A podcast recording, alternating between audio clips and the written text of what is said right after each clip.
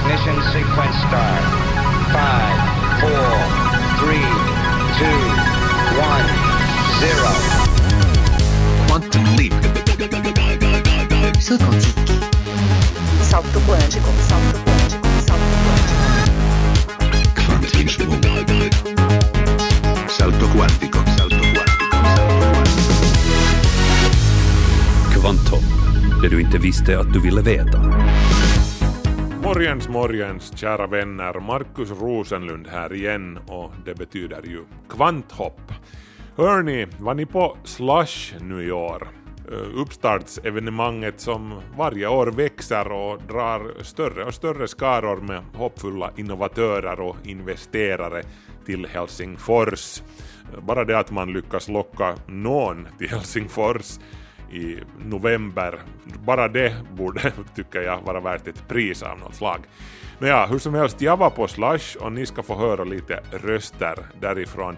Eh, bland annat den här mannen som ju faktiskt var med om att starta upp hela Slush i tiderna. Peter Westerbacka, eh, du menar helt på allvar att ni tänker frakta folk ut i rymden? Precis, eh, helt på allvar. Eh, det kommer förstås att vara i liten skala till att börja med, men att Jo, Peter Westerbacka ska helt på fullt allvar börja skicka folk ut i rymden från och med nästa år om allt går som det ska. Och det får vi återkomma till senare om vi säger så. Men vill Västerbacka själv lämna jorden, åtminstone temporärt? Hör mer om det senare i Kvanthopp. Hör också mer om en ny superkänslig konstgjord näsa som Niklas Fagerström stötte på när han besökte Slush. En robotnäsa utvecklad av uppstartsföretaget Karsa. En näsa som är så känslig att den slår till exempel tullens hundars luktsinne med hästlängder. Karsas konstgjorda näsa bygger på forskning i atmosfärvetenskap vid Helsingfors universitet och kan känna igen enskilda partiklar bland en biljard andra, alltså bland miljoner miljarder andra partiklar. That's kind of equivalent to the thickness of a hair on the distance from the Earth to the Sun. Hans Jürg Josts var det som sa det att robotnäsans känslighet motsvarar det att man ser ett hårstrå som befinner sig på samma avstånd som solen, alltså 150 miljoner kilometer.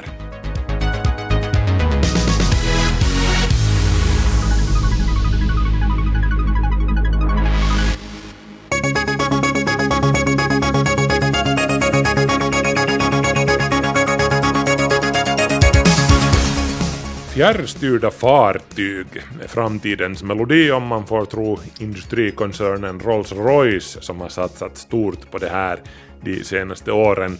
Och häromdagen blev det klart att finländska forskningsinstitutet VTT blir en partner i det här samarbetet och bidrar till att utveckla fraktfartyg helt utan besättning.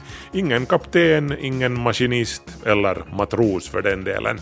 Fartygen styrs på distans från land. Inom tio år kan det här vara verklighet här på Östersjön. Till VTTs styrkor i det här sammanhanget hör förmågan att utföra tester inom digital teknik som dataanalys och visualisering och så deras erfarenhet av 5G-nät. Tester av sensorer för systemet pågår redan, skriver nyteknik.se på rederiet Finferries vägfärja Stella i Åbo skärgård. Nästa steg efter fjärrstyrda fartyg är sedan helt och hållet självkörande fartyg, robotfraktfartyg. Men det lär dröja innan vi är där. Apropå fartyg och sjöfart så belönades smarta remmare, eller prickar, de här sjömärkena som finns invid farlederna till sjöss, med ett pris på uppstartsevenemanget Slush den här veckan.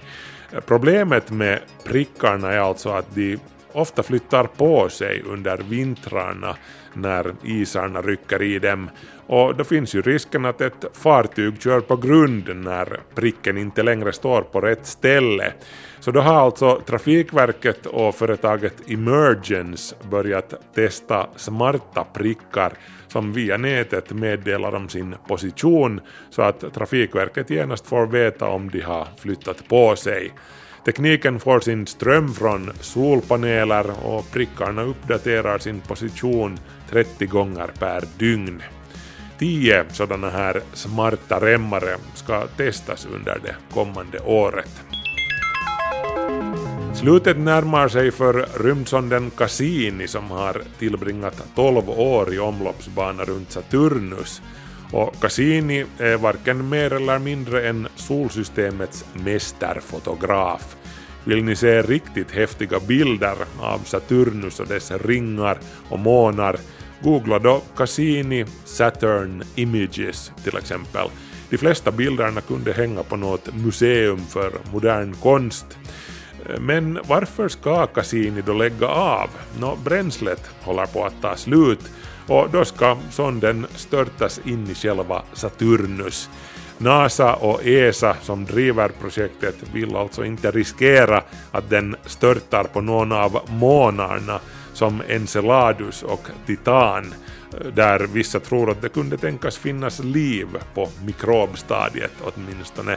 Då skulle eventuella mikrober som kan ha åkt snålskjuts från jorden på Cassini förorena de här månbobbornas levnadsmiljöer.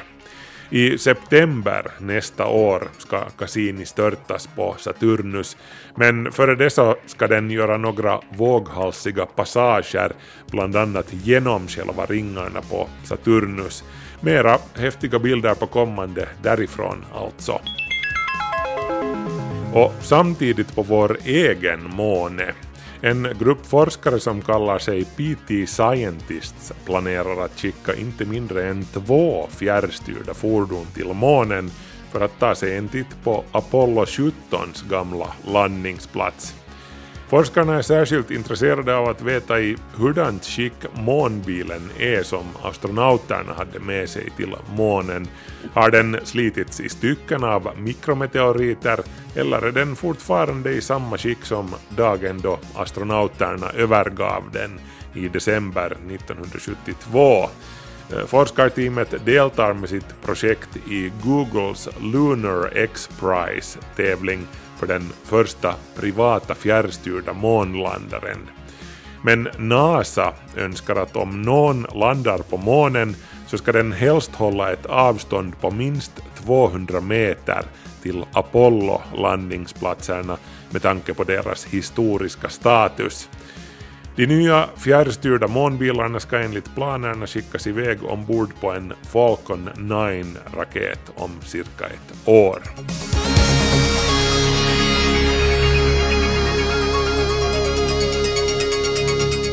Så kan vi ännu nämna att en rysk bärraket gick förlorad strax efter start på torsdagen ovanför Kazakstan.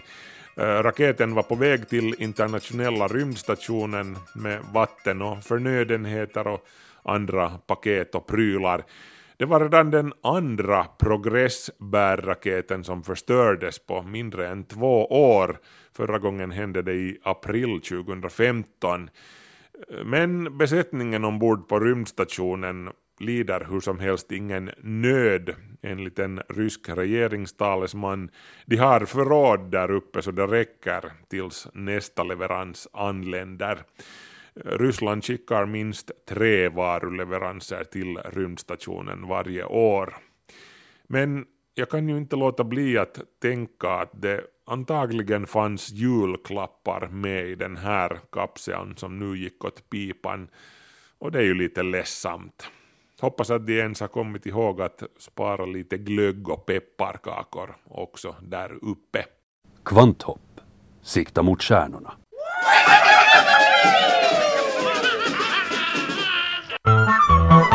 Peter Westerbacka, äh, du menar helt på allvar att ni tänker frakta folk ut i rymden? Precis, äh, helt på allvar. Äh, det kommer förstås att vara i liten skala till att börja med, men att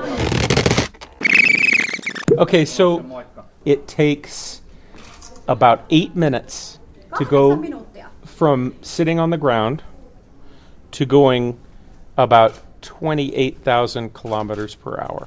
We go around the Earth every 90 minutes at that speed. Eh, mannen ni hör här heter Gregory H. Johnson. Han är före detta astronaut och rymdskyttelpilot för NASA med två turer till internationella rymdstationen på sin CV. Han var idag i Helsingfors på Slush, bland annat för att svara på barnens frågor om hur det är att vara astronaut. Som till exempel att hur länge tar det att flyga till rymden? Svaret var åtta minuter. På den tiden kommer man från stillastående till 28 000 kilometer i timmen och sedan flyger man runt jorden på 90 minuter. We live on a beautiful planet, and from space at 200, well, about 400 kilometers up, uh, looking at the planet, um, it's breathtaking. Det är en vacker planet vi bor på, säger Johnson. Från 400 kilometers höjd är utsikten sådan att det tar andan av en. And when you all get to be adults, adults, we'll be going to other places like the moon or Mars, and you might spend years in space. Då de här sexåringarna når vuxen ålder så kommer säkert många av dem att tillbringa flera år i rymden av sitt liv. Johnson själv har bara tillbringat inalles en månad i rymden men han är fullt övertygad om att de här barnen kommer att eh, se betydligt mer av rymden än han, inklusive platser som månen och Mars. Johnson var alltså pilot i rymdskytteln Endeavour som numera finns på ett museum i Los Angeles. Which makes me kind of old since what I flew is now in a museum. Ja, hur gammal gör det mig, frågar Johnson när min farkost numera finns på ett museum med dinosaurierna. And if I can be an astronaut, then anybody can be an astronaut. Greg Johnson är inte bara här för att tala med barnen, han är också på Slush i egenskap av inbjuden samarbetspartner för Space Nation för att berätta vad de har på gång. Och Space Nation, vad de är och vad de gör, ska projektets primus motor Peter Westerbacka berätta mer om alldeles strax. Västerbacka ska hur som helst i korthet se till att bland annat de här sexåringarna en dag får chansen att besöka rymden på riktigt. Många av dem drömmer ju om det, precis som Gregory Johnson gjorde då han var i deras ålder och Neil Armstrong gick på månen.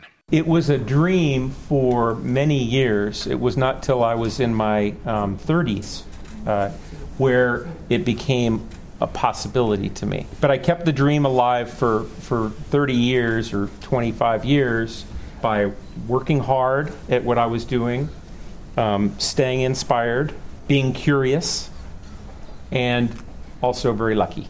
Rymden var en dröm för Greg Johnson tills han var över 30, men han höll den drömmen vid liv genom att jobba hårt, genom att tro på sin dröm, genom att studera och framförallt genom att ha en hel massa tur.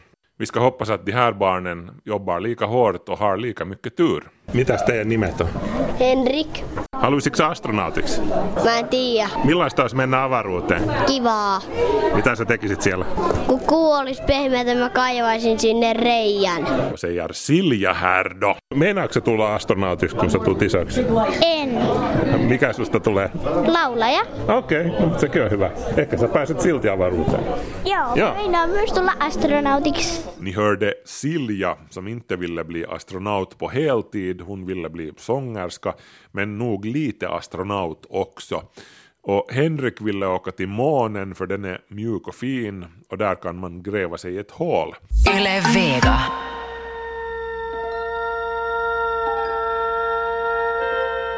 Space, a final frontier.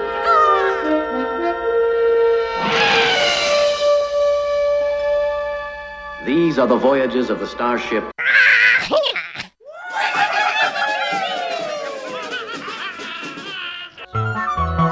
Boldly go where no man has gone before.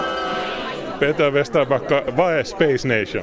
Space Nation är ett projekt som vi har jobbat på många, många år och, och nu har det möjlighet att eh, tala mer om eh, här på Slush och vi tyckte att det passar väldigt bra eftersom vi har Eh, ett av världens eh, mest globala eh, entreprenörship-evenemang här i Finland och, det här Space Nation kommer också att vara väldigt, väldigt globalt. Att alla nationer är inbjudna. Vi har jobbat med, med det här då Mike Saffredini och Greg Johnson som då jobbade på NASA tidigare och bland annat byggde det här International Space Station och, och det här nu vill vi så här finsk äh, modell bjuda in alla och göra det möjligt för inte bara äh, 600 människor att vara i, i rymden utan det här, äh, göra det möjligt för alla att, att äh, vara med. Äh, du menar helt på allvar att ni tänker frakta folk ut i rymden? Precis, äh, helt på allvar. Äh, det kommer förstås att vara i liten skala till att börja med men att, att det här äh, bygger nu den första kommersiella äh, rymdstationen, äh, att det håller Mike äh, och hans gäng på med. Äh, vi håller på med då KH Entertainment som Kalle här berättar och kommer att stå för den här astronaututbildningen och göra det möjligt för äh, alla äh, på jorden att, att det här blir astronauter och det här, vi kommer också att kontribuera den fantastiska finska utbildningen som vi har hållit på att jobba med de senaste 50 åren här i Finland som alla alla i världen vet att vi är bäst i världen på, på det här utbildningen så vi kommer att, att kontribuera det här och, och vi har också bjudit in en hel del andra äh, partners så att vi kommer att tala om det här äh, under de följande månaderna och åren så att, att det här är bara en bra början. Min tioåring vill ju förstås till rymden. Vad ska jag säga åt honom ikväll? Hur ska han gå tillväga? Så han kan, han kan det här snart eh, ladda ner eh, det här astronautträningsprogrammet, att, att vi kommer att lansera det äh, ännu några månader med, äh, under nästa år. Och, och det här, äh, det är början och sen efter det här så de som klarar sig bäst i den här, ska jag säga online mobilastronaututbildningen så kommer sen att ha möjlighet att delta i, i det här fysiska astronaututbildningen, kommer att ha centers flera ställen i världen uh, där, där du då kan fortsätta så att, att det här uh, princip är det möjligt för vem som helst att, att det här uh, utbilda sig till astronaut och vara med. Va- va- Vad ska man ha liksom, the right stuff? Vad är det i ert fall? No, egentligen det är just det här att det, uh, the right stuff är rätt attityd, att, att det här vill göra det möjligt för vem som helst att, att bli astronaut, men att det kräver ju då utbildning och det kräver också uh, det här, uh, uh, både, både det här ska vi säga uh, uh, fysisk och psykisk uh, det här uh, utbildning och det, det är vad vi håller på med här. Har du själv, har du själv planer på att resa till rymden? No, jag har inte själv planer på att resa till rymden men att, att jag tycker att det, det är väldigt bra att äh, inspirera folk och, och det här rymden och allt det här är ju väldigt inspirerande. Så att, att det här, eh, om vi får det här att smitta av sig och, och då blir det ju också äh, samma effekt att, att det här du har inte liksom en sån här känsla att du måste jobba väldigt hårt liksom och lära dig utan vill göra det roligt och inspirerande att utbilda dig själv och lära dig nya saker. Det är ju det som det är frågan om här och jag tror att det är också en av, av styrkorna i det här hela finska äh, utbildningssystemet, att vi kan på riktigt vara stolta över att vi har fått uh, till stånd här i Finland på det här området och därför är det också väldigt uh, roligt att vara med här och lansera Space Nation och det finns ju inte något bättre ställe i världen att göra det här än Slush. Ja. Och det här kommer att bli större än Angry Birds? No, det finns ju 7 miljarder människor äh, på den här planeten så att det kommer ju att bli ganska stort så att, att det här väldigt, väldigt det här äh, ambitiösa planer men att jag tycker det här är ett bra exempel på vad vi ser varje dag nu här i Finland att, att äh, folk vågar göra. En bra exempel på att varför skulle vi inte göra det här i Finland? Att inte det liksom äh, äh, finns ingen orsak att, att varför det här skulle hända bara i USA eller Kina utan att kan göra det här och, och i en typisk finsk maner så, så det här äh, bjuder vi in hela världen. Ja. Att vi är ju bara fem miljoner här så vi behöver lite hjälp. Okej, sista frågan. Det där, ni avslöjar ingenting, inga detaljer om, om eh, vilka raketer man kommer att flyga med och så vidare, vilka era samarbetspartners? Vi har ju redan, vi har ju redan det här samarbetet med flera olika äh, partners. Vi har ju också redan skickat Äh, det här sådana här äh, äh redisfrön till rymden som vi kommer att donera till alla skolor i Finland. Äh, och sånt här, att vi har gjort en hel del äh, launches och grejer än tidigare så att, att det här äh, det är inte på det sättet någon he- hemlighet. Och, och vi jobbar med, med det här flera, flera olika det här äh, raketoperatörer så att, att det, det är inte äh, meningen att, att det ska vara något äh, hemlighetsmakeri kring det här utan väldigt öppet och, och som sagt alla är inbjudna så att, att idén är faktiskt att göra det här äh, på det sättet eh, med sån här finsk approach så att säga. Känner du Elon Musk personligen? Eh, Jag känner inte ännu det här Elon Musk personligen men att han har ju också helt intressanta äh, rymdprogram på gång med SpaceX och allt det här så att, att det här eh, kommer eh, säkert jobba med SpaceX och också med det här äh, Jeff Bezos, det här rymdbolag och vi har också talat med Richard Branson här i sin Virgin Galactic och alla de här att det finns ju en hel del äh, projekt på gång men att, att det som gör Space Nation unikt är att, att vi faktiskt vill demokratisera rymden och inte bara begränsa det till, till, till några få. Ja. Lycka till, jag ser fram emot det här faktiskt. Ja, tack, tack.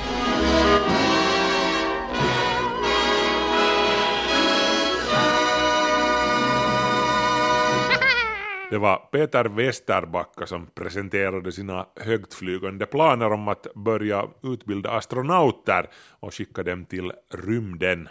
Jag lyfter på hatten för hans fördomsfria tänkande, men jag tänker nog inte hålla andan i väntan på att de första Angry Astronauts flyger iväg. Det här riskerar tyvärr nog lite att hamna i samma kategori som Mars One-projektet. Det låter bra, men har de verkligen tänkt det hela till slut? Vilka svårigheter det innebär i praktiken? Nåjo, men vi ska hålla sinnet öppet. Det är ju viktigt.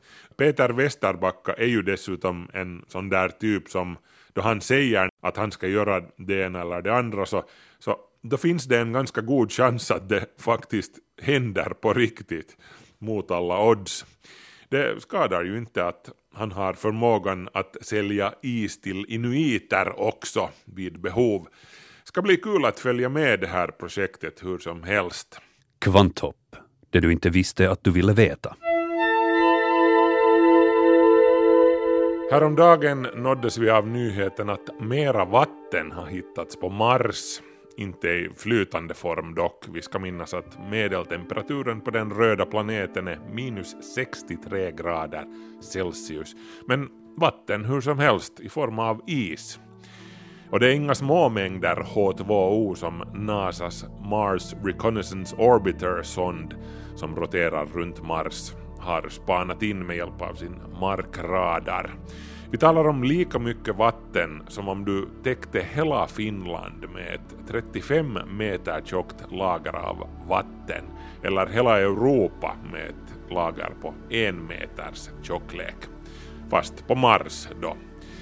Isen ligger under Utopia Planitia och det här är egentligen det som gör det här till en stor nyhet för vi känner till massvis med is på Mars sedan tidigare, men den här finns på en slätt region på Mars norra halvklots mellanlatituder, ungefär där som Italien skulle ligga om det här skulle vara jorden. Ehm, och den är relativt lättillgänglig, vi talar om flat terräng som Österbotten, en region där framtida kolonisatörer mycket väl kunde tänkas slå sig ner och de skulle ha enorma mängder vatten direkt under sina fötter. Det här islagret är mellan 80 och 170 meter tjockt och består till mellan 50 och 85 procent av is, resten är sand och damm. Det skulle vara ganska lerigt, slask om det smälte.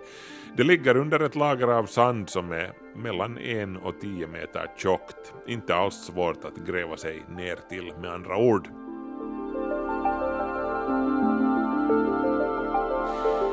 I dagens läge existerar alltså vattnet på Mars huvudsakligen i form av is, men det har inte alltid varit så.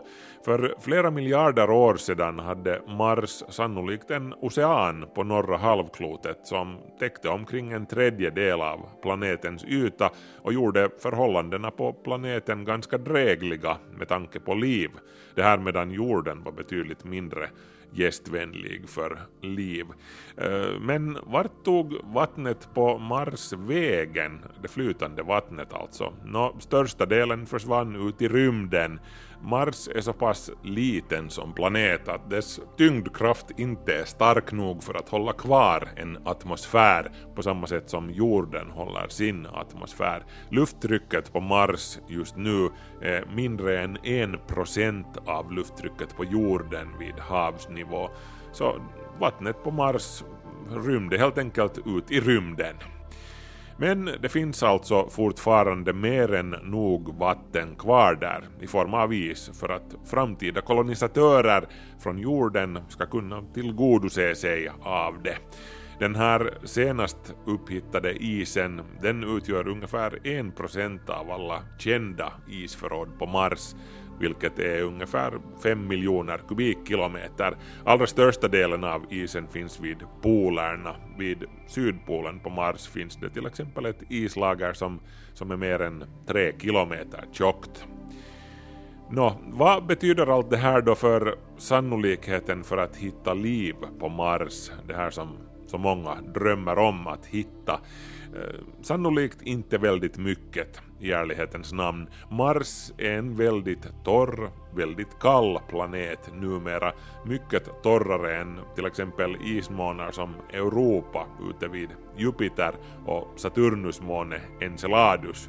Bara Jupiters måne Europa har dubbelt mer flytande vatten än vi har här på jorden. Ska man söka efter liv i solsystemet utanför jorden, det vill säga, så tror jag att man snarare ska börja där än på Mars. Mars har haft sin chans.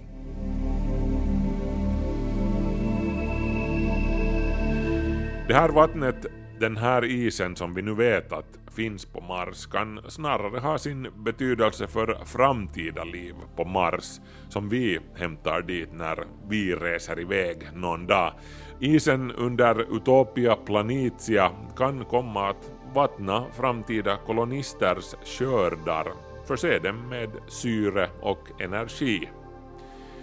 Men vi är ju inte riktigt där ännu om vi säger så. Tills vidare tycker jag att vi ska njuta av det vatten som finns här på vår egen vackra blåa planet. För jag menar, Venus är het och mardrömslik, där finns inget vatten, bara pölar av smält bly och så regnar det svavelsyra. Eh, Mars är torr och frusen, men jorden, jag menar hej, bättre än så här blir det inte. Det är synd att det är så många som inte tycks uppskatta det vi har, den bästa planeten i solsystemet.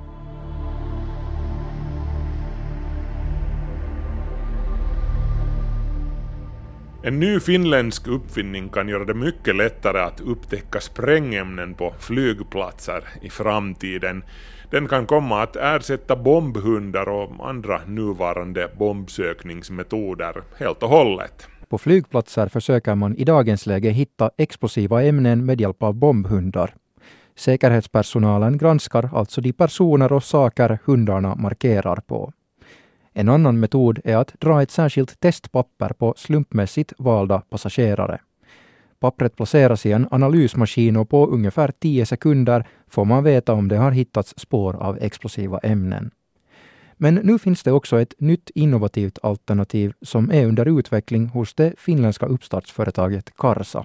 Our technology is so sensitive that you could do this without touching the people. Vår nya teknologi är så känslig att man kan testa för sprängämnen utan att röra vid folk, berättar VDn Hans-Jörg Jost. Det här är möjligt eftersom explosiva ämnen ger ifrån sig små mängder partiklar som kan upptäckas i luften. Karsas konstgjorda näsa bygger på forskning i atmosfärvetenskap vid Helsingfors universitet och kan känna igen enskilda partiklar bland en biljard andra, alltså bland miljoner miljarder andra partiklar. That's kind of equivalent to the thickness of a hair on the distance from the earth to the sun. Just liknar det här vid att kunna känna igen ett hårstrå på avståndet mellan jorden och solen. Analysen tar bara en till två sekunder och eftersom den är möjlig utan att vidröra folk och saker så innebär det att alla passagerare och allt bagage kan granskas. Företaget har testat teknologin i praktiken på Helsingfors Vanda flygplats. We've shown already at the airport uh, in Helsinki that, that it fundamentally works. This technology can operate in this environment. På flygplatsen visade vi att vår teknik fungerar och vi är nu i en mycket stark position, kommenterar Jost. Vid Danmarks tekniska universitet, DTU, utvecklar forskare också en liknande maskin Men de verkar inte ha kommit lika långt i sin forskning som det finländska uppstartsföretaget och Helsingfors universitet. Professor Mogens Havsten Jakobsen på avdelningen för nanoteknik vid DTU säger till Yle Nyheter att universitetet siktar på praktiska tester nästa år och att deras apparat ska fokusera på improviserade sprängämnen. Hur noggrann analys den kan göra vill han inte kommentera i det här skedet. Den finländska konstgjorda näsan känner endast igen sex olika typer av sprängämnen för tillfället, men Jost säger att det lätt går att lära den att känna igen fler. För att kunna göra det måste företaget ändå få tag på en hemlig lista över sprängämnen. Det är möjligt efter att de anställda på företaget har godkänts av skyddspolisen. Jost tror också att deras produkt kommer att kunna ersätta bombhundar. We're preparing for tests that are uh, kind of the same thing as they do with the dogs. So we're trying to show that we have the, the same, same or better sensitivity. Vi förbereder oss för att testa vår maskin på liknande sätt som man testar bombhundar. Vi vill kunna visa att apparaten har lika bra eller bättre känslighet för explosiva ämnen än vad hundarna har, säger Jost. The dog, you know, tires, it needs a handler, and this machine can kind of run by itself in 24 hours, seven days a week. Han tillägger att en hund kan bli trött och ouppmärksam medan en maskin kan fungera dygnet runt sju dagar i veckan. Dessutom menar Hans-Jürg Jost att maskinen kan programmeras att känna igen fler typer av explosiva ämnen än vad en enskild hund kan lära sig. Karsa hoppas kunna introducera produkten på flygplatser inom några få år. Well, we hope to have first trials next year. Vi hoppas kunna genomföra de första officiella testerna nästa år. Vi har varit i kontakt med stora flygbolag och flygplatser kring det här och hurdana bevis som krävs. Produkten måste också certifieras på europeisk nivå innan den officiellt kan tas i bruk på flygplatser i Europa. Den kan troligen börja användas tidigast i slutet av år 2018 om den klarar nödvändiga tester. Karsa har nu åtta anställda och finansiering för ungefär två år framåt. Man hoppas ändå få in mellan 5 och 10 miljoner euro i finansiering för att kunna expandera globalt och kunna massproducera sin bombsniffare. Därför deltar man också i uppstartsevenemanget Slush den här veckan med förhoppningen att få kontakt med personer som vill investera i företaget. Det var Niklas Fagerström som var reporter i det inslaget.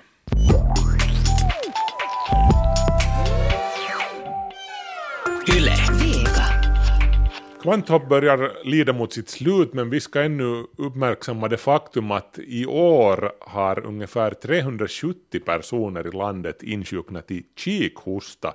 Och det är en oroväckande markant ökning från 165 fall under 2015. Fall har också påträffats i mellersta Österbotten. Där har 10 personer hittills insjuknat.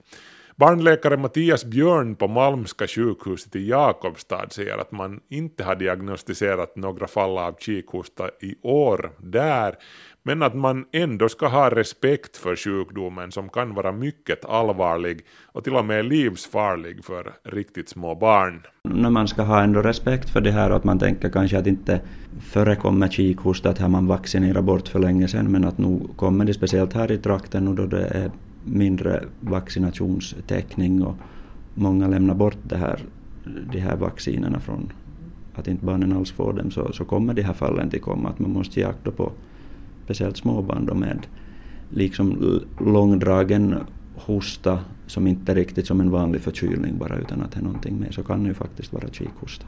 Så säger barnläkare Mattias Björn på Malmska i Jakobstad. Och kikhosta kan vara mycket allvarligt för de allra yngsta barnen. Kikhosta kan vara farligt för, speciellt för de här minsta barnen och prematurer och de här småbarnen helt enkelt då så, så kan få en besvärlig sjukdom. Och de kan då i samband med den här besvärliga hostan få, få problem med andningen och till och med andningsuppehåll. Och därför man, och småbarn då som får kikhosta så följer man ju med på sjukhus nu. Och i alla fall på de här nyfödda. Och, Hur gammal är man när man får vaccin mot kikhosta? Då får man vid tre månader får man första dosen. Det ingår ett, ingår ett där kikhostevaccinet ingår ett kombinationsvaccin som man får vid 3, 5 och 12 månaders ålder. Eh, man har ju försökt lägga det här så tidigt som möjligt tills barnets immunförsvar ska kunna bilda antikroppar så att det är någon idé att ge vaccinet. Och tre månader har, man, har det visat sig att då kan barnet bilda antikroppar och få ett eget skydd. Men ni har inte haft något fall hittills? No, no, vi har inte haft, vi har för något år sedan nog haft något no fall som vi har behandlat också men hittills, hittills i år har vi nog inte här hos oss i alla fall som jag känner till. Hur vårdar man då ett, någon, ett barn som har fått kikhosta?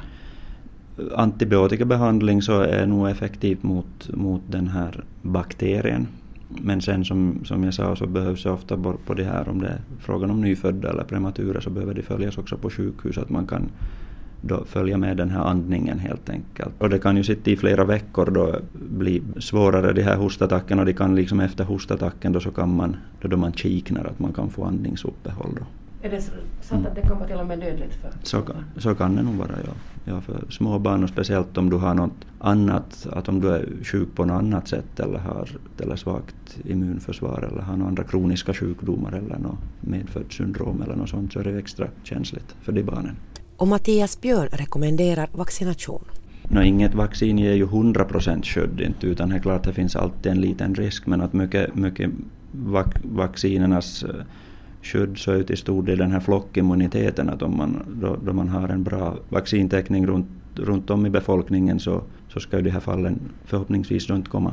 så att man får inte alls den här sjukdomen då Precis. bland befolkningen? Mm. Och, så, och speciellt viktigt just för de här små barnen då som, som jag sa innan tre månader när man inte har kunnat få vax, vaccinet ännu. Det, och, och just att om du har någon annan kronisk sjukdom eller syndrom eller leukemi eller någonting sånt så du inte kan få vaccinet. Så då, då skyddas ju då av den här flockimmuniteten att inte, att inte det finns den här sjukdomen.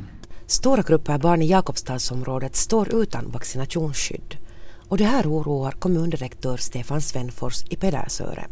Svenfors vill att vårdpersonalen ska få stöd i att bemöta vaccinationsmotstånd. Och på tisdagen besökte THL, Institutet för hälsa och välfärd i Jakobstad, för ett möte med vårdpersonalen. No, det handlar om att, att det där, att sprida den här informationen, att berätta för föräldrar att vad det då i så fall är som man tackar nej till ifall att man väljer att tacka nej till de här vaccinationerna och, och det här överlag alltså föra en, en saklig diskussion då kring det här kring eh, betydelsen av just flockimmunitet och, och, och den betydelse som det då kan ha att vi har eh, jämfört med det här nationella procenttalet för vaccinationstäckningar så ligger vi på, på betydligt lägre procenttal i den här regionen.